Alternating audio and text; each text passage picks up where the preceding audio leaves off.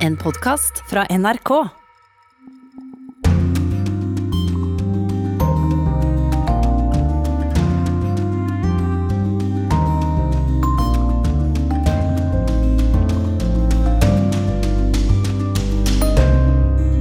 This just in, you are looking at a, obviously a very disturbing live shot there. That is the World Trade Center, and we have unconfirmed reports this morning that a plane has crashed into one of the towers of the World Trade Center.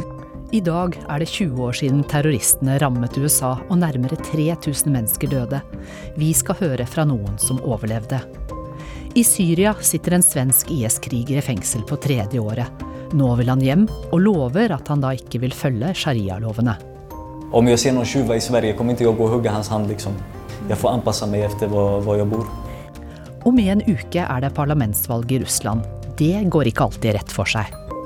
Den siste tiden har jeg snakket med ganske mange russere om parlamentsvalget. Både vanlige folk og såkalte eksperter er stort sett enige om at juks er ganske vanlig i det russiske valgsystemet.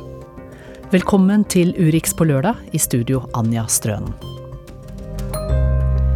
Vi begynner sendingen i New York. Direktebildene jeg akkurat så på fra nyhetsbyråene, viser at sola fortsatt ikke har stått opp i storbyen.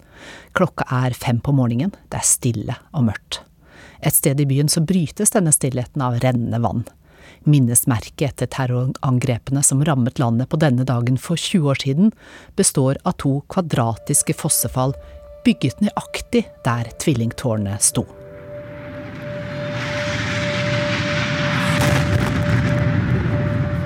Th- there it is. The plane went right through. Black and gray smoke pouring out of it right now. There shouldn't be any aircraft in that area.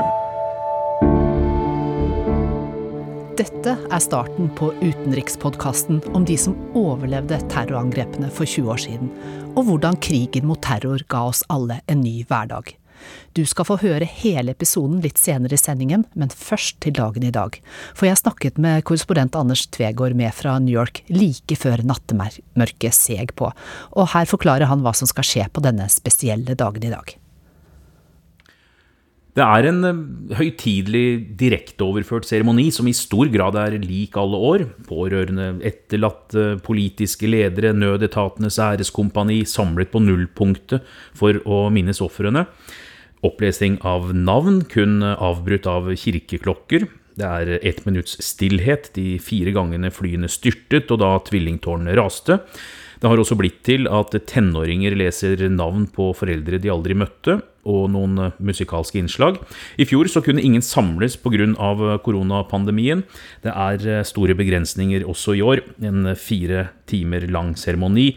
Tre av presidentene de siste 20 åra har sagt at de kommer dit tvillingtårnene sto. Den fjerde, Trump, tar muligens turen innom Minneparken før han flyr til Florida for å kommentere en boksekamp. Og så, når sola går ned, stiger lyssøyler seks kilometer rett opp som et spøkelsesavtrykk av tvillingtårnene. Mange andre skyskrapere her på Manhattan er også med på å lyssette et minne for USAs mørkeste dag. Toppetasjene skal skinne i himmelblått. Hvor viktig er denne minnemarkeringen i USA, da? Terrorangrepene brakte landet sammen for 20 år siden. Patriotisme og følelse av fellesskap.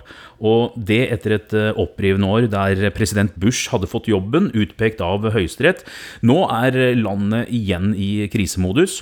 Koronapandemien splitter, og det er sjelden det har kommet så mange oppfordringer om opprør mot myndighetene som nå. Så minnemarkeringene er det eneste felles hvor man kan legge bort politisk tilknytning. Men det er alltid et men. Det som har skjedd denne uka, med at Taliban igjen kunne lese en liste med regjeringsmedlemmer i Afghanistan, var nok ikke president Bidens drømmescenario etter den mye kritiserte tilbaketrekkingen på toppen av dette. En kommentar i Foreign Policy-magasinet går på at ingen andre feirer 20-årsmarkeringene for 11.9 mer enn militante islamister. Men det bakteppet til side. De fleste TV-kanaler er fulle av historier og dokumentarer som viser at angrepene endret og utfordret USA. Det er fortellinger om sorg, smerte, men også håp. Og det er debatter om USAs rolle internasjonalt framover. Altså 70 millioner amerikanere er født etter 11. september. Skjønner de, Anders Tvego, hva som skjedde og hva det førte til? Inntrykket er at uh, dette er noe de har uh, fått med seg. Følte at det spørsmålet skulle komme, så det naturlige stedet å oppsøke var uh, Washington Square Park her på Manhattan. En park omkranset av bygg som tilhører New York University. Hør her. I was born in 2003, so I didn't get to experience it directly, and I didn't have much contact with it. But um, I feel like it affected the way that America is, and all the things that have been put into place, and the way that we view ourselves as a country, and the way that we view other countries has changed drastically. Hun heter eh, Anika, er fra Boston og kjenner ingen som ble rammet, men hun føler at oppveksten har vært preget av frykt. I think that there is just an aspect of fear and an aspect of almost superiority for this country because we're scared of letting anything else in because we want to stay safe, but this aspect of like wanting to stay safe has turned a little toxic because now we are being hateful and we're assuming the worst of people because of an experience that was tragic. A lot of people still view things the same as they did in the past. But things are definitely like getting better in the sense of like being more open to new like types of people, religions, races, sexualities and stuff, but there's still a lot of improvements to be made. Alicia har et mer personlig forhold til dagen, selv om eh, heller ikke hun var født. Moren mistet jobben fordi hun var muslim, og Elisha opplever at terrorangrepene har ført til hatkriminalitet. I was born like in 2003, two years after it, and um, hearing stories about that kind of stuff from my parents, I guess, really did put it into a different perspective for me because it's like they were so close to the event and like they are Muslims, so like after everything happened, you know, they told me they kind of did feel like like outcasted in a way, you know, getting like certain looks from people. My mom wears the hijab, so it's like she felt like kind of like like looked at, so. Begge de to vi møtte, har sans for eh, minnemarkeringene.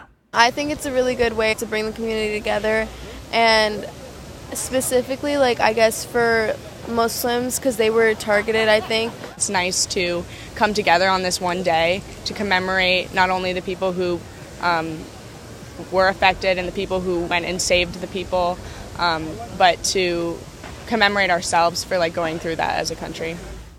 Du skal være med i ekstrasendingen fra minneseremonien, Anders Tvegård. Men hvor var du selv på denne dagen for 20 år siden? Det var en eh, tirsdag. Jeg eh, satt på jobb, så røyken fra det første tårnet på TV-skjermene.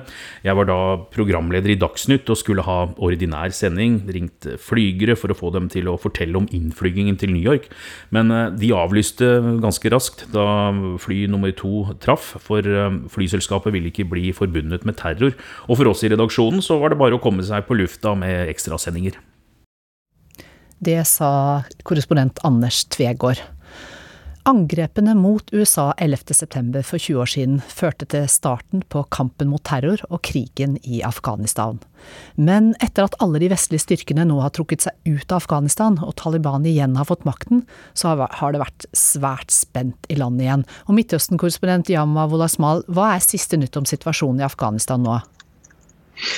Du, det siste er at uh, det skal innsettes en ny regjering. Denne regjeringen som både afghanerne og en hel verden har ventet på. Uh, det blir spennende å se hvilke av nabolandene som faktisk deltar i innsettelsen. Om land som Pakistan, Iran, Kina kommer til å sende sine ambassadører eller ikke. Russerne har i hvert fall gjort det klart at de ikke kommer til å ta del i innsettelsen. Og så er det gode nyheter for alle som ønsker å komme seg ut av landet, for kommersielle flyselskap starter opp igjen sine flyvninger til Kabul i kommende uke har i hvert fall litt håp der, altså. Men eh, hva sier afghanere som du har snakket med om at eh, Taliban er tilbake ved makten? Det kommer helt an på hvem man eh, spør. Anja. I erkekonservative byer som Kandahar, så er de fleste jeg snakker med på telefon, faktisk fornøyd med Talibans maktovertakelse. Dette er Talibans fødeby, dette er deres kjerneområde. Her nyter de stor grasrotstøtte blant vanlige afghanere. Det har til og med vært demonstrasjoner til støtte for bevegelsen. Men snakker du med folk i storbyer som Kabul, så er det naturlig nok eh, langt mer eh, Altså folk er mer skeptiske. De er mer pessimistiske på vegne av sin egen fremtid i Talibans Afghanistan. Og spesielt etter at man har sett at Taliban brøt sitt viktigste løfte om å danne en inkluderende regjering. Den regjeringen består utelukkende av Talibans egne ledere, mullaer, religiøse ledere ikke noen utenifra.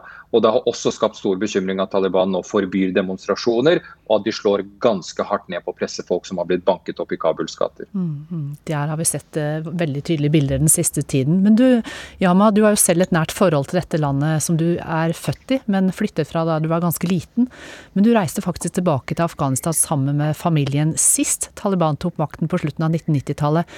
Ta oss med til Talibans uh, Afghanistan. Ja, året var 1997 for vår del. Vi kjørte inn landeveien via Pakistan eh, gjennom det historiske Kyberpasset fordi Taliban var totalt isolert av omverdenen, så det gikk ikke noe fly inn til Kabul. Og Afghanistan var et ekstremt dystert og mørkt sted på den tiden. Landet hadde vært gjennom en russisk okkupasjon, en usedvanlig blodig borgerkrig, og så kom Taliban til makten. Og de skal ha for at de fikk på plass lov og orden etter mange år med anarki. Og det likte folk. Mm. Men utover det var livet ekstremt mørkt. Og en av de tingene jeg husker best, var at vi tok flyet fra Kabul til Kandahar, min mors hjemby. Og så kom vi oss på flyet. Vi satt bak et forheng, for jeg hadde med meg kvinner. Og så hører jeg piloten annonsere at eh, velkommen til denne flyvningen fra Kabul til Kandahar. Jeg ber de brødrene som har håndvåpen om å levere det til vår medarbeider som kommer bakfra. Og de som har tyngre våpen må levere dem til vår medarbeider som kommer forfra. Og der satt jeg og tenkte søren, er det våpen om bord dette flyet? Og det var det. Da kom flyvertene med begge skuldrene fulle av patronbelter og kalasjnikover og pistoler. Så flyet var stappfullt av jihadister fra hele verden. Jeg gikk bak og snakket med dem. Det var krigere fra Tsjetsjenia, fra Bosnia, fra Kashmir, fra hele verden. Det var din eh, første opplevelse. Men så kom angrepene 11.9, som ble utført av jihadister som holdt til i Afghanistan. Og din far han var i landet da USA forberedte bombeangrepene sine. Hvordan var det for dere som familie? Du, det var noen forferdelige dager vi gikk gjennom. for Dette var jo tiden før mobiltelefoner og nettlinjene inn til Afghanistan og Taliban. Det var helt håpløst å få kontakt. Men etter to døgn så ringte han oss og mm. fortalte om den panikken han opplevde i hjembyen Jalalabad, hvor mange av de jihadistene holdt til. Dette er nærheten av Tora Bora, hvor man antok at bin Laden befant seg. Han fortalte om historier hvor i den telefonkøen så var det mange unge arabiske menn, spesielt to brødre som han merket, som ringte sin mor. Pappa snakket ikke arabisk, men han skjønte at de snakket med sin mor. Og hver, hver gang en av dem brøt sammen i samtale med moren sin, så ga han telefonen til den andre broren. Og sånn holdt de på. Og det han fikk med seg av samtalen, var at begge prøvde å berolige moren sin og fortalte at de kommer til å bli martyrer, at hun ikke måtte ta det tungt. Mm. En uh, tung uh, sekk uh, du har av, av, minner og erfaring, Yama. Hva tenker du om framtiden til Afghanistan nå? Vet du hva, Jeg skal være helt ærlig at på vegne av afghanerne så var jeg optimistisk da Taliban kom til makten. Fordi de, de sa de rette tingene rett etter at de kom til makten. Det var snakk om inkluderende regjering, det var snakk om at pressen skulle få frihet til å dekke eh, alt som skjedde i Afghanistan. Det var snakk om at kvinner skulle få ta høyere utdanning og få de jobbene de ønsket. Men etter fire uker ved makta så ser vi allerede tegn til at Taliban ikke holder det de lover. Og det er jo det som gjør folk svært pessimistiske. Takk til deg, Midtøsten-korrespondent Yama Wolasmal. Og både du og Anders Tvegård eh, i New York skal være med på NRK sin ekstrasending på NRK2 klokka 14.30 i dag.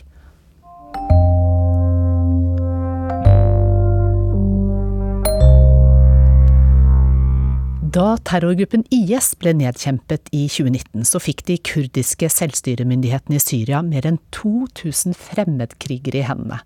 NRK har truffet en av dem, en svensk IS-kriger, og ifølge kurdisk etterretning så kjempet han mot Assad-regimet og mot kurderne i Nord-Syria. Svenskene steg, svensken steg i gradene, så ble han rådgiver for IS-lederne i Raqqa, og så var han med på å produsere IS sin egen valuta. Selv så vil han ikke bekrefte dette, men vil prøve sin sak i retten. Og nå vil han hjem til Sverige. Om jeg skal fortsette et vanlig liv, så må det hende noe. Jeg kan ikke bare drøye ut og drøye ut og drøye ut. forstår du? Noe må skje, sier den 30 år gamle svenske fremmedkrigeren vi treffer i Nordøst-Syria. Majoriteten av folket, om vi går tilbake til våre land, så kommer vi gå til fengsel. forstår du? Hvorfor skal man være redd for dem? Man burde være redd for, for folk som, som er frie just nå, som ingen vet noe om. Det er de som er farlige. På tredje året sitter han i fengsel på ubestemt tid i det selvstyrte kurdiske området. Han har kortklippet, blondt hår, kort skjegg og store, grønne øyne. Han er tynn og har på seg grå joggebukser, mørk T-skjorte og på føttene sandaler. I 2014 dro han til Syria. Han dro for å hjelpe syrerne mot Assad, sier han. Nå vil han hjem. Har du bedt svenske myndigheter om å få komme hjem? Jeg har ikke truffet svenske myndigheter. Er det ingen som har besøkt deg? Det är någon som har besökt mig men jag vet inte vem de var. Han var forberedt på å bli fengslet og stilt for retten, selv om han ikke helt forstår hvorfor. Så det var ikke ulovlig å åke til Syria Syrien eller til IS-området når, jeg, när jag åkte. Så hvorfor skal jeg bli dømt for det senere? Vi treffer ham i et rom utenfor fengselet. Det er her kurdisk etterretning lar oss møte fremmedkrigeren. Svensken sitter på en stol midt i rommet, som om han skal forhøres. I fengselet bor han på celle med 15 andre IS-menn. De fleste er franske. Det er veldig blandet, blandet, blandede mennesker, eller hva man skal si. Blandede kulturer. Jeg hadde foredratt å sitte ensom kanskje, enn å sitte med alle ulike mennesker. Han har svensk kone og to barn, som også er i Syria. Har dere hørt noe om dem? spør han om flere ganger. De innsatte får nesten ingen nyheter utenfra. Og vi får streng beskjed om å ikke fortelle ham noe som helst, og spesielt ikke om at Taliban har tatt makten i Afghanistan. Har dere hatt koronasmitte i fengselet, spør jeg. Nei, det har ikke vært noe stort problem, sier han, og spør hvordan det går med koronaen der ute. Det går bedre fordi mange er vaksinert, svarer jeg som en selvfølge. Hva, fins det vaksine mot korona? svarer han forundret, og spør oss igjen. Hva tror du da? Hvor lenge kommer vi sitte här i Syrien? Men du har tross alt vært med i en svært brutal terrororganisasjon, minner jeg om. Skjønner du det? Ja, så jeg var ikke overens med alt som hender. Selvklart.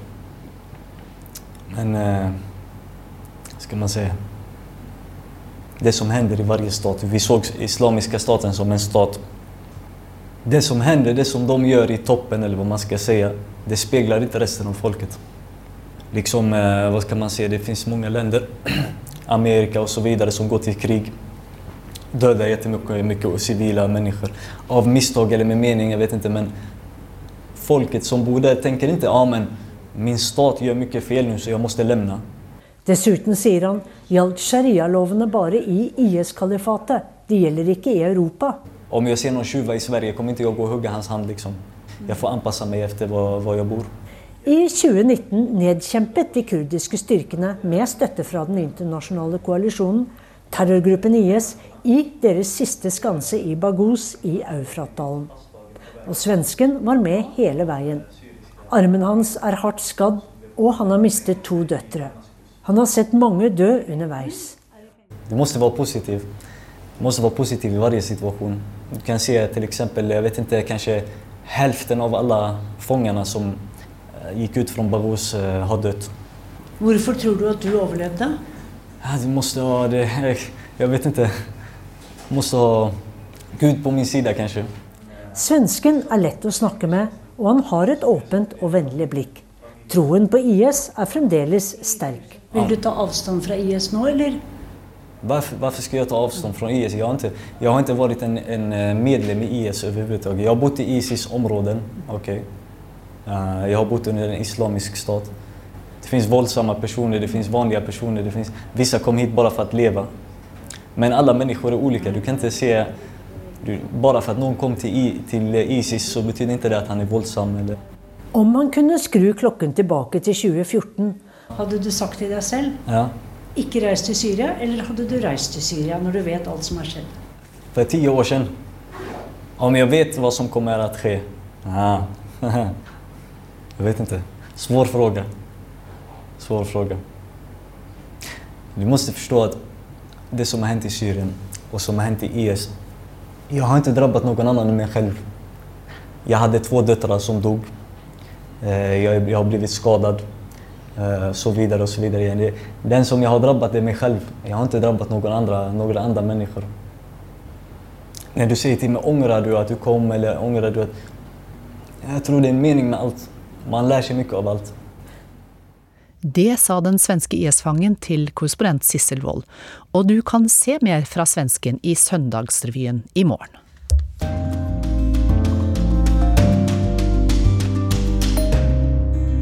Om en uke så er det parlamentsvalg i Russland.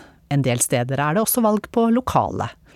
De aller fleste russere vår Moskva-korrespondent har snakket med, er overbevist om at det er mye fusk i russisk valg, sånn at de sittende myndighetene kan fortsette. Korrespondentbrevet er fra vår mann i Moskva, Jan Espen Kruse. Jeg må nesten starte med en ganske ellevill historie fra St. Petersburg, Russlands nest største by. Samtidig med valget på nytt russisk parlament skal det der holdes valg på nytt bystyre. En av dem som ønsker å gjenvelges lokalt og i tillegg stille i det føderale valget, er en 65 år gammel mann ved navn Baris Wisniewski. Han representerer det liberale opposisjonspartiet Jabloko. Men denne gangen har det dukket opp to konkurrenter til Wisniewski. De har samme navn som han, og ligner han av utseende også. De har lite hår og kort skjegg.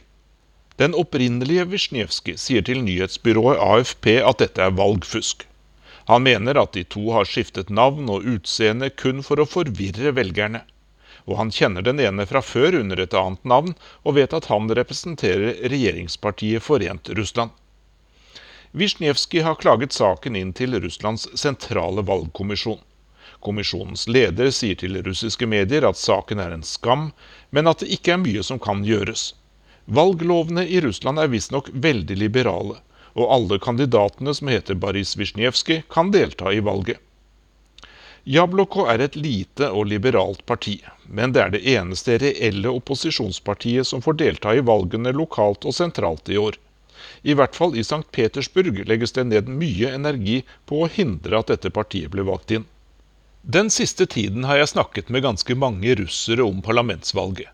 Både vanlige folk og såkalte eksperter er stort sett enige om at juks er ganske vanlig i det russiske valgsystemet. Men hvor vanlig det kan være, det er naturligvis svært vanskelig å få et grep om. En vanlig oppfatning blant russere er at de som sitter i landets ledelse, er der for å berike seg selv. Og da er det ganske naturlig at de klamrer seg fast til makta med nebb og klør, og gjør alt de kan for å hindre at andre slipper til. I det nåværende parlamentet har regjeringspartiet Forent Russland mer enn tre firedeler av plassene. Det gjorde at partiet i fjor kunne endre grunnloven. Det åpnet igjen for at Vladimir Putin i prinsippet kan sitte som russisk president helt fram til 2036. Alle hans tidligere perioder som landets leder ble nullet ut. Putins kritikere kalte dette juks og fanteri. Andre mente at det var greit, siden framgangsmåten ble godkjent i en folkeavstemning. Men det at han som har vært landets autoritære leder i mer enn 20 år, bruker mildt sagt utradisjonelle metoder for å kunne fortsette, det styrker neppe vanlige folks tillit til myndighetene. Vanligvis avholdes russiske valg i løpet av én dag.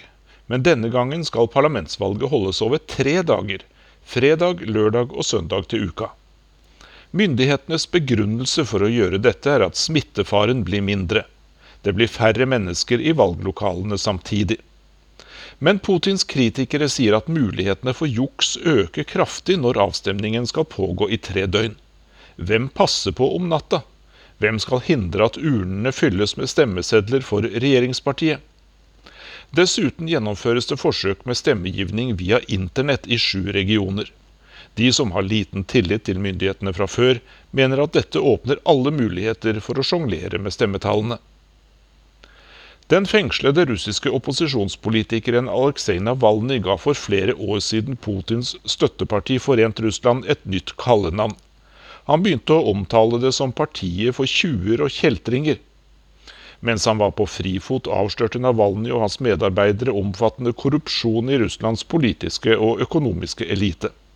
Tidligere i år ble hans organisasjoner stemplet som ekstremistiske av myndighetene, og all deres virksomhet ble forbudt. De aller fleste av Navalnyjs nære medarbeidere har forlatt Russland. Fra utlandet forsøker de å videreføre det de kaller smart stemmegivning. Denne taktikken går ut på å oppfordre folk til å stemme på kandidater fra andre partier enn regjeringspartiet. Dette har de lyktes med i noen regionale valg. Men nå har myndighetene forbudt søkeordet smart stemmegivning fra russiske søkemotorer. En uavhengig russisk ekspert sier til NRK at det er betydelig valgfusk i Russland. Men han mener at det ikke går over alle støvelskaft. Det er ikke sånn at valgresultatet blir et fullstendig annet enn slik folk stemmer. Eksperten mener at myndighetene justerer valgresultatet i sin retning, og at fusket som regel ligger et sted mellom 0 og 5% Forent Russland dominerer nå fullstendig i parlamentet. I tillegg er det tre andre partier, og blant disse er kommunistene størst. Selv om disse tre kalles opposisjonspartier, så er de i realiteten støttepartier til de sittende myndighetene. I viktige saker stemmer de slik landets ledere ber om. Spenningen rundt valgresultatet neste uke er ikke så veldig stor.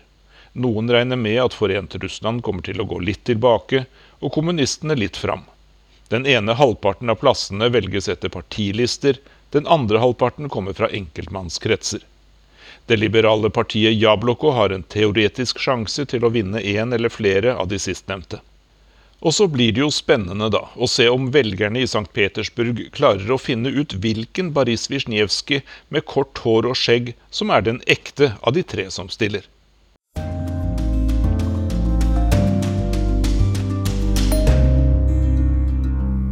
Da skal vi ta deg med tilbake til terrorangrepene i USA på denne dagen for 20 år siden.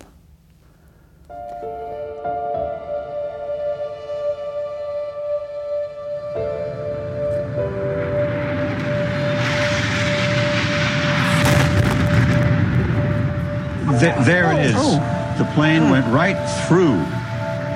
Black and gray smoke pouring out of it right now. There shouldn't be any aircraft in that area.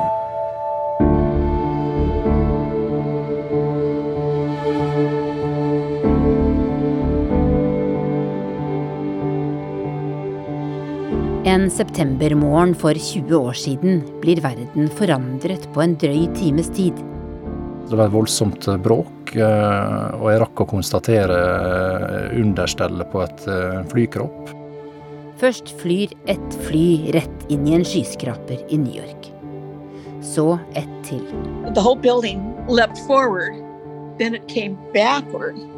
Til sammen styrter fire fly i USA, og nesten 3000 mennesker blir drept. Dette er historien til de som overlevde. Og historien om hvordan krigen mot terroren ga oss alle en ny hverdag. Du hører på Krig og fred 11. september. Jeg heter Tove Bjørgaas. Første episode Ikke en sky på himmelen.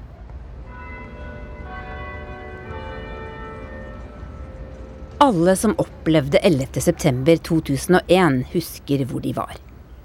Jeg var 29 år, satt i en redaksjon i Oslo og skrev på en artikkel om oljeprisen. Jeg hadde akkurat flyttet tilbake til Norge etter studier i USA. Egentlig var jeg litt misunnelig på studievenner som hadde fått jobb i finansdistriktet i New York.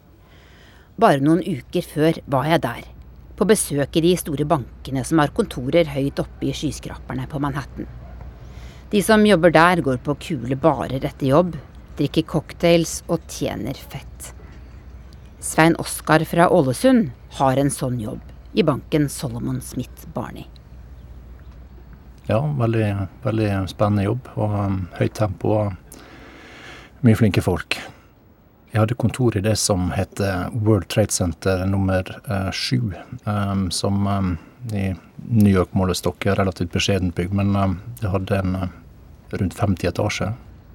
Svein Oskar Stoknes har nettopp giftet seg, og skal etter hvert flytte videre til London, der kona hans jobber. Men han trives med å bo her, i hjertet av New York. Jeg bodde i det som heter Battery Park, uh, som er et um, fantastisk uh, leilighetsområde. Det ligger noen kvartal syd for World Trade Center, langs med elven. Fra leiligheten sin har Svein Oskar utsikt mot New Yorks to høyeste bygninger, tvillingtårnene i World Trade Center. På toppen av det ene tårnet ligger en restaurant med en bar og fantastisk utsikt. Jeg hadde besøk av uh, søstera mi og uh, hennes uh, samboer uh, den helgen. Og en av hennes ønsker var å dra opp på Windows of the World. Så en bar som lå helt på øverste etasje, 110. etasje, tror jeg, noe der omkring. Så der var vi og hadde oss en avslutning på en hyggelig kveld med en drink lørdagen før det her skjedde. September er den beste måneden i New York. Himmelen er blå, den verste sommerheten er over. Det er tirsdag morgen, og Svein Oskar spiser frokost i leiligheten sin. Han har bestemt seg for å ta en litt rolig morgen, før han går de få kvartalene opp til kontoret. Ja, altså, jeg husker det ganske godt fordi eh, det, var, det, var, valg i Norge eh, dagen før. Og eh, jeg hadde litt interesse av å lese meg litt opp. Så jeg var litt senere ute enn det jeg pleide å være, etter jeg hadde fått, eh, fått lest meg litt opp den, den morgenen før jeg gikk ut av døra.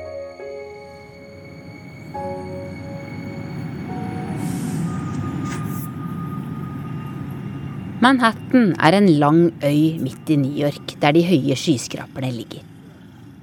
På tuppen i sør er finansdistriktet. På et hotell noen kilometer lenger nord er Joyce Shepherd oppe for lengst. I'd never been there before. Spent a lovely weekend in New York City, and I mean, Morgan Stanley was going to roll out the red carpet for all of us. Joy er 62 år, og hun har aldri vært i New York før. Hun har nylig pensjonert seg fra jobben som mattelærer i California, men nå skal hun begynne på en ny karriere. Hun skal lære å bli rådgiver for folk som vil kjøpe aksjer. I går begynte hun på kurs hos Morgan Stanley, som er en av verdens mektigste banker. De er også den største leietakeren i tvillingtårnene. De ruller ut den røde løperen for kursdeltakerne, og Joy blir hentet på hotellet av en privatsjåfør.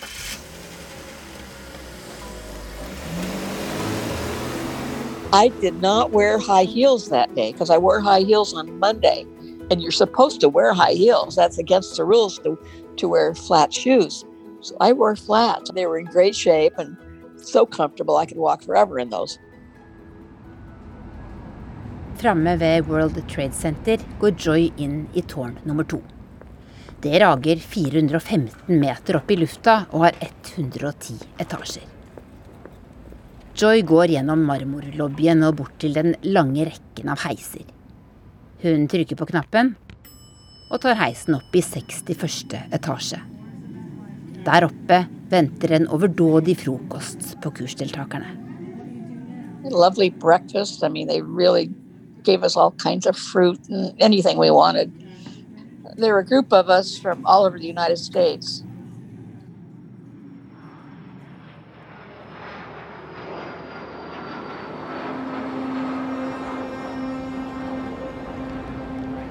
Verken Svein Oskar eller Joy vet hva som har skjedd på flyplassen i Portland, Maine, lenger nord i USA, et par timer tidligere. Der har Michael Tui allerede vært på jobb i innsjekkingsskranken i flere timer. Michael er akkurat ferdig med å sjekke inn passasjerene som skal reise på første klasse med morgenflyet til Boston fra den lille flyplassen. Han tar en pause og går ut for å ta en røyk. I told one of my uh, fellow agents, I said, I'm going to go out and have a cigarette. And uh, as I'm going out to have the cigarette, I see these two gentlemen, and they look like a, they were a little confused. So I just said to them, Are you on US Airways? And they said, Yes. And I says, Oh, okay. What flight? And they said, The six. I says, Oh, you better get over here. I says, it's very late for check-in. And so I went back to the counter. Michael tar de to mennene med tilbake til innsjekkingsskranken. Han ser at de har billetter til Los Angeles. I looked at their tickets and I said to myself, I said, these are very expensive tickets. De to mennene har veldig dyre billetter. Den ene skjønner ikke det Michael sier til ham på engelsk når han stiller de obligatoriske sikkerhetsspørsmålene. Har han pakket håndbagasjen sin selv? Den andre mannen er ubehagelig, synes Michael. He seemed very uh, hostile. He seemed uh, he seemed like an angry person. But at 5:30 in the morning, you know, not everybody is pleasant. So I kind of uh, gave him credit for that. Okay, it's 5:30 in the morning. He's running late.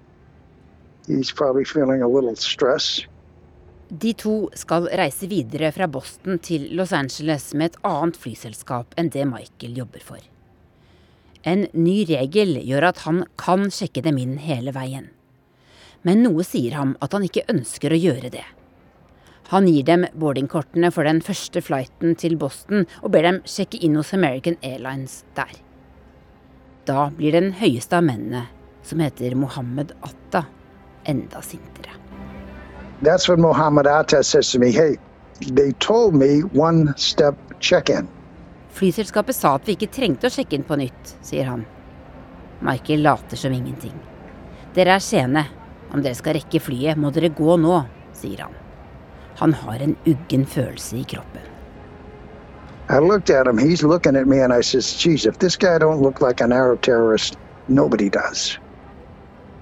And then I gave myself a slap in the head saying, no, you're being kind of racist and stereotypical and no. And he, I think he was just about to say something else. And I was just about to hit a key on the computer that would have stopped everything. But instead, he turned around and he walked away. Both of them. De to mennene går gjennom sikkerhetskontrollen. Flyturen til Boston tar bare 40 minutter. Der går de om bord i American Airlines flight 11 til Los Angeles. Det er en stor jumbojet som har bensin nok til å fly hele veien over USA. Men de to mennene har andre planer.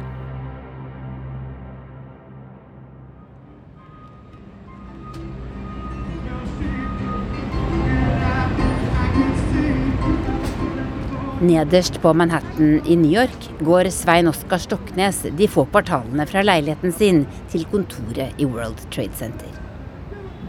Du er jo så nærme uh, World Trade Center at uh, altså, du går jo ikke og, og kikker opp i lufta. Og, jeg har som sagt bodd i New York i mange år, så sensasjonen med å se på disse byggene til daglig var liksom borte. Så uh, jeg gikk med vanlige ruter. Men dette er ikke lenger en vanlig dag. right now. Sorry. We want to go right now and show you a picture of the World Trade Center where I understand. Do we have it? No, we do not. 14 minutter på ni hører folk et høyt smell på nedre Manhattan. En reporter fra en lokal TV-kanal er ute på gata og synes han så noe som lignet et fly treffe tårn 1 i World Trade Center. Men var det et fly? Eller kanskje en gasseksplosjon?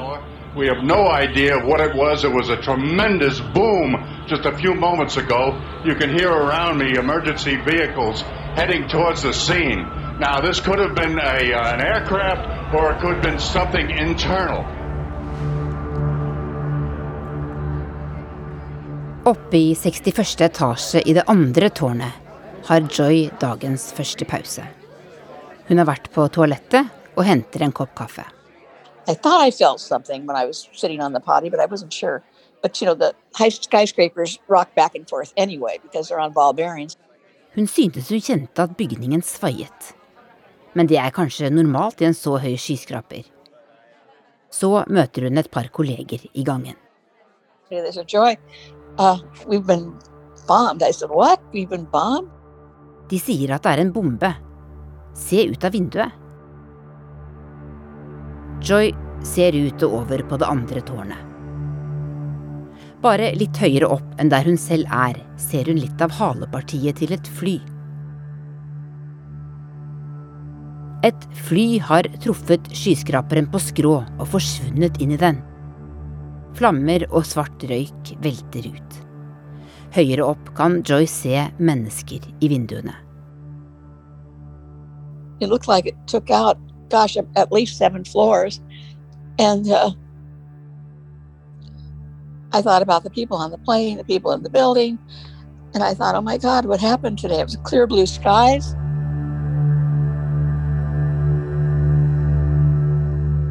About 5% below the year ago level. This just in, you were looking at a, obviously a very disturbing live shot there. That is the World Trade Center, and we have unconfirmed reports this morning that a plane has crashed into one of the towers of the World Trade Center. CNN Center right now is just beginning to work on this story, obviously calling our sources and trying to figure out exactly what happened, but clearly something relatively devastating happening this morning there the south end of the island of Manhattan. That is, once again, a picture Samtidig sitter Greg Freed i bilen sin. Han er på vei fra Long Island i New York til et sykehus inne på Manhattan. Greg er kirurg og jobber både i New York-politiet og på sykehuset. Han skal skrive ut to pasienter han opererte dagen før. På politiradioen i bilen sin får Greg inn meldinger om at et fly har styrtet nede i finansdistriktet. I turned on commercial radio to see what was going on. On KFI, I'm Ken Gallagher. Smoke is pouring from the upper floors of the north building of the Twin Towers of the World Trade Center. They said uh, a plane had hit, but the police officers who were in attendance and who were on the radio made it very clear that it was a lot more than just a mere plane. The first thing that came over was it was like a commercial plane or a small plane, you know, an errand plane, and that's not what we were hearing. So there was this, all these radio transmissions. Greg bestemmer seg for å kjøre mot World Trade Center i stedet. I immediately I turned on a siren and I headed into the city. And behind me were two emergency service vehicles that had gotten the same notice I did. Oppe i 61. etasje i tårnet som ikke er truffet, får Joy og de andre på kontoret til Morgan Stanley beskjed om å holde seg i ro. Men Joy vil bare ut.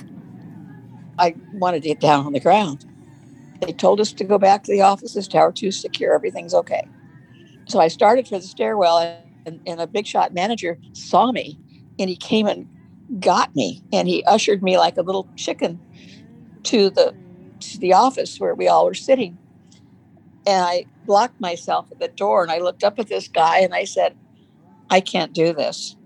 And uh, I told him, "I'm going to get down on the ground. If everything's okay, I'll take an elevator back up." And I just ducked under his arm and went.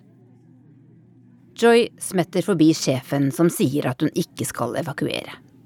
Hun ser et exit-skilt og åpner døra til branntrappa. And it was a stairwell that led down.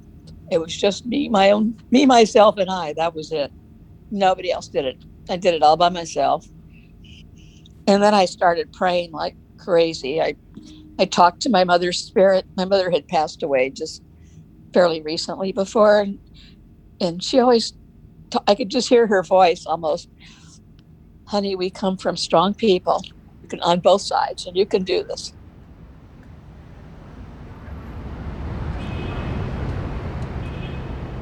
Ute på gata er Svein Oskar nesten framme ved kontoret i World Trade Center.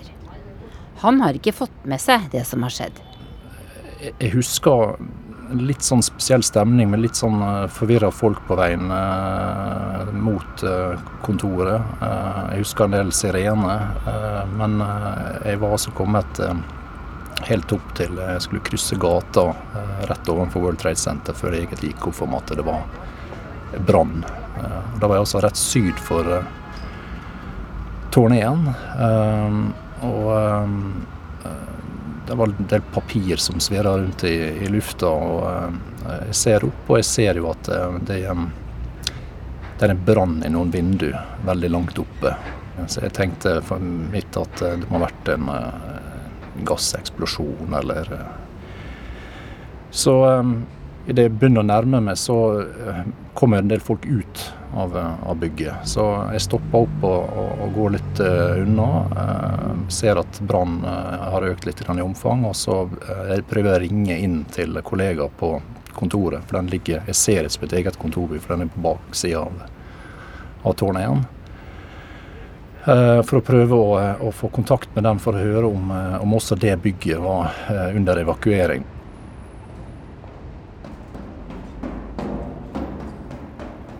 Joy er i branntrappa i tårnet som ikke er truffet. Hun har gått ned 16 etasjer og har kommet til 44. Hun klarer ikke å høre en beskjed som kommer over høyttaleranlegget, så hun forlater trappa og går inn i korridoren. Men beskjeden blir aldri gjentatt. Rett foran Joy er en rekke med heiser. En av heisdørene er åpen, og hun ser flere hun kjenner. Joy, we're going back up. We're going back up. You, you got to come, come on with us. We're going back up. It's going to be okay. Menneskene i heisen har tydeligvis fått beskjed om at de kan ta den opp igjen til kontoret i 61. etasje. De ber Joy bli med dem. We're waiting for you. So I kept the elevator door open. I started to step in and I looked at all of them and then I put my foot back and I said, I can't do this, guys. I just can't do it. And I said, God bless all of you. Hun klarer det ikke. Med tårer i øynene løper hun mot nødutgangen igjen og fortsetter ned branntrappa. Um, det tok litt tid før jeg fikk tak i noen. Uh, mens jeg sto og, og uh, holdt på med det, så um, kom da fly to. Jeg, jeg, tror jeg rakk å tenke en tanke om at et helikopter veldig nærme. altså Det var et voldsomt bråk. Og jeg rakk å konstatere understellet på et flykropp. Altså Du rekker jo ikke å, konstatere noe annet, men jeg husker det inntrykket av, av understellet på, på, den flykroppen. Og så husker jeg ikke noe trykkbølge, men jeg husker varme, varmebølge.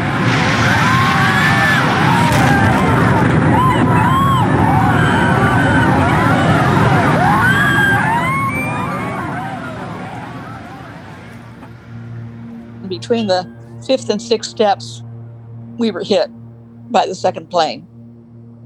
Joy har bare gått fem-seks trappetrinn nedover da flyet treffer bygningen 30 etasjer høyere enn der hun befinner seg. And the whole building leapt forward, then it came backward in place, and then it shook from side to side and front and back. And a big crack in the building appeared before me. I could see daylight through that crack. Skyskraperen svaier fram og tilbake.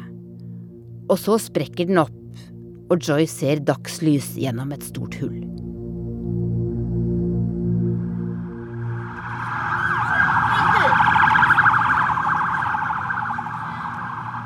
Svein Oskar ser det andre flyet treffe World Trade Centers tårn 2. Jeg løper, løp for livet. Du løper med en sånn angst med at noe skal treffe deg i hodet.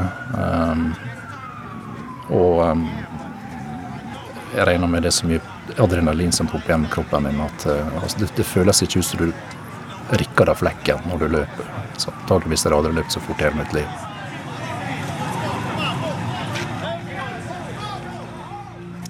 Og um, jeg løper da forbi uh, mitt eget leilighetsbygg. Jeg følte det uh, var altfor nærme.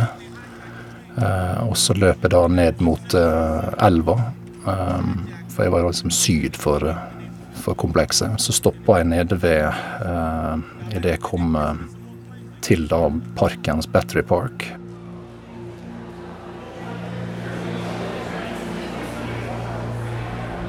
There were all sorts of debris flying in, papers and smoke and heat and jet fuel. You could just smell it immediately.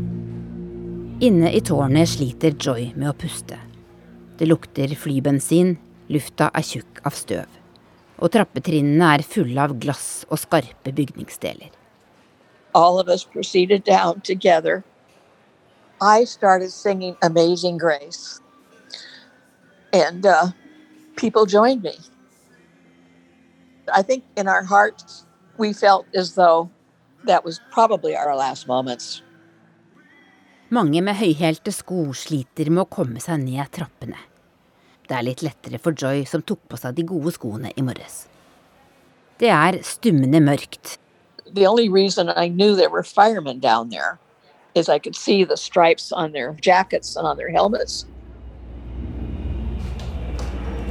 Så står de endelig i lobbyen på bakkeplan. Der er det helt fullt av folk. Joy baner seg vei mellom dem, finner en dør, og så er hun ute på gata. Folk står som forstenet og ser opp i lufta. People are staring all around me. They're staring at the top of the building. And I couldn't understand why they were there. Men så blir også hun stående og se.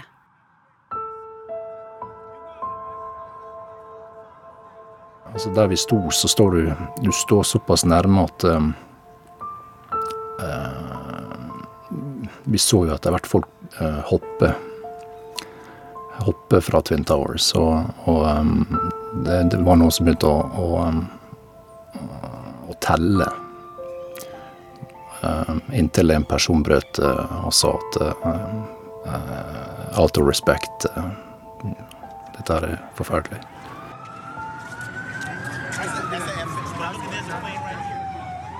Politilegen Greg har parkert bilen sin noen kvartaler unna og blitt plukket opp av en politibil. En av politifolkene gir ham en hjelm, og de kjører videre mot tvillingtårnene. I'm in the vehicle. They give me the helmet. They go, Doc, it's dangerous. There's glass falling down. I saw the plane engine on the ground. Det er dårlig sikt og vanskelig å kjøre. As we're heading towards the Trade Center, and I'll never forget the scene, I'm in the vehicle, there's paper flooding the air. The main thing that really struck you was all this paper that was blowing all over the place and the smoke. As we're driving, all of a sudden, a woman, and the only reason I knew it was a woman was she was in a dress, hit the pavement in front of the vehicle. And it was an undescribable scene. The guys looked at me and, what was that?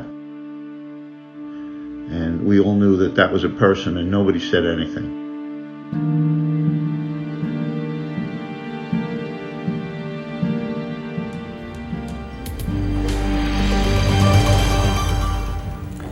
To passasjerfly har med 18 minutters mellomrom krasjet inn i hvert sitt av de to tårnene til In New York sind zwei Flieger in die zwei Türme des World Trade Center. Another passenger plane hitting the World Trade Center. Over hele verden sitter folk foran TV og ser vantro på bildene fra Manhattan. Det går 17 minutter fra et passasjerfly fra American Airlines treffer det første tårnet, til et fra United Airlines treffer det andre.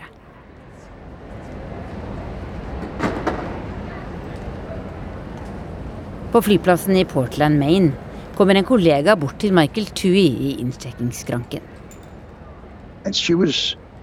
On her way home. She'd come by our ticket counter and she says, Hey, did you see what happened in New York? I said, No, what's going on? And they said, Oh, a plane just crashed into the World Tower.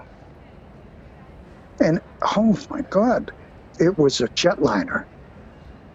And uh, that was just shocking. And so we had a television in the back room where we all take our breaks on occasion. And I go into the back and I look and, and boom, I actually see the American Airlines flight striking the building. You see the plane coming in from what looks like the east side, and it blows into the building with the flames and the smoke billowing out På TV sier de at det første flyet som traff tårnene, trolig var på vei fra Boston til Los Angeles. Det tar litt tid før Michael forbinder det med de to mennene han sjekket inn tidlig i morges. Yeah, I don't relate that to those fellas until a girl I was working with says, Hey, Tui, didn't you check in two guys who were on that flight? everything in my body sunk. And I said, there were terrorists. I said, they were terrorists. It was like it hit me right in the face that these guys, that sneaky suspicion that I had, which I gave myself a face slap for, for being, you know, racist or whatever you want to call it, and they were actually terrorists. It was, I shook from head to foot. I was shaking all over, saying, please, make it prove me wrong, you know? I'm saying no. This was this country is now under attack.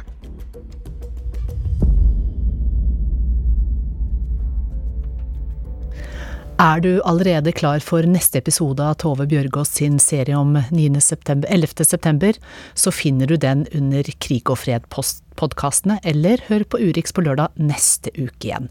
Lydregien på denne første episoden var ved Lisbeth Sellreite. Minner også om at det blir ekstrasending på NRK2 fra klokken 14.30, som tar for seg minneseremonien i USA. Og helt på tampen så tar vi også med en nyhetsmelding om at det internasjonale samfunnet ønsker den nye regjeringen i Libanon velkommen. Landet fikk ny regjering i går, 13 måneder etter at den forrige gikk av. USA, EU, FN og Norge er blant de som er glad for dette, og oppfordrer regjeringen til rask handling for å løse de mange krisene i Libanon. Nå takker Urix på lørdag for laget. Teknisk ansvarlig for denne sendingen var Finn Lie, produsent Truls Lier, og i studio Anja Strønen.